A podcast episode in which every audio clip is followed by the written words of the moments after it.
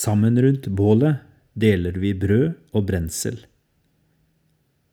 Da de var kommet i land, så de et bål der, og det lå fisk og brød på glørne. Slik forteller Johannes evangeliet om et av møtepunktene mellom Jesus og disiplene etter oppstandelsen. I den lavmælte samtalen rundt bålet er det rom for å dele brød. Brødet er Guds ord, vevd sammen med fortellingene fra vår egen reise. Brødet er også de nådegaver som Han gir oss for at vi skal dele dem med hverandre, etter mønster av den tidlige kirke.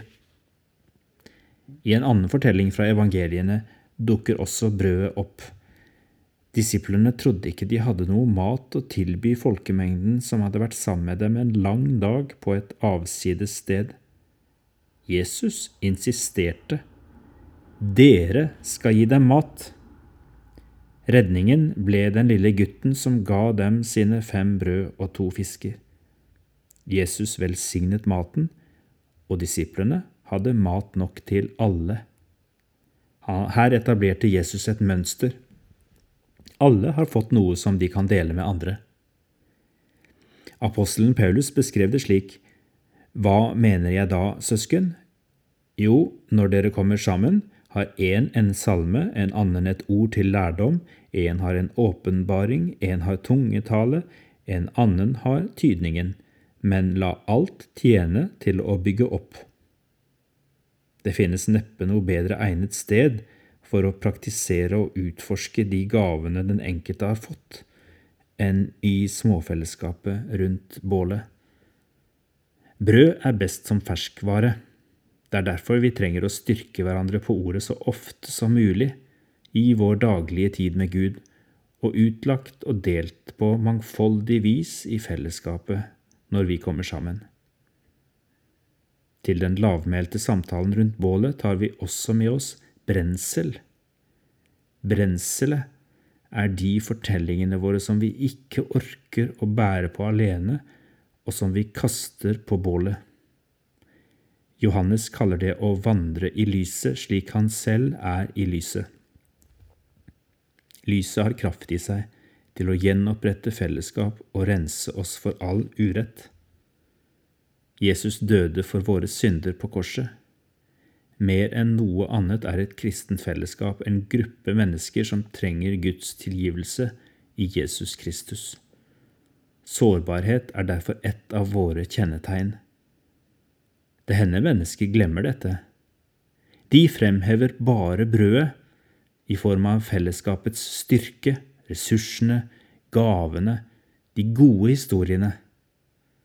Når mennesker slutter å komme med brensel til bålet, kan det kanskje fortsatt leve en stund, men et sant kristent fellesskap er det ikke lenger.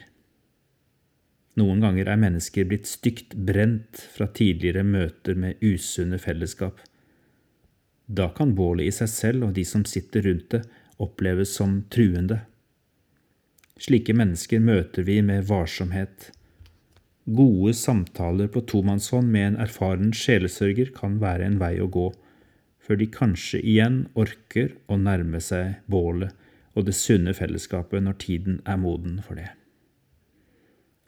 De kristne er som et nomadefolk på vandring gjennom verden og gjennom historien. Når de bryter opp, følger de etter Jesus, ilden.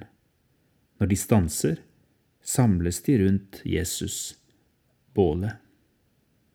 Med hverandre deler de vekselvis av sin styrke, brødet, og av sin sårbarhet, brenselet. Og nettopp når fellesskapet klarer å romme disse kontrastene, da vil alltid nye mennesker nærme seg, både barn, unge og voksne. Også de blir en del av ringen også de mottar brød og vin. Også de lar sine fortellinger formes av hans store fortelling. Det er denne bålfortellingen jeg er en del av. Fortellingen om mitt liv er en del av den store fortellingen om bålets kraft. Bålet som forsamler, forsoner, forankrer og forandrer. Den fortellingen er mer enn historie. Den er nåtid og fremtid for mitt stammefellesskap. Lavmælt samtale. La tommelfingeren berøre ringfingeren. Hva kan være uttrykk for brød som du har fått for å dele med andre? Hva er uttrykk for brensel som du skal få kaste på bålet nå?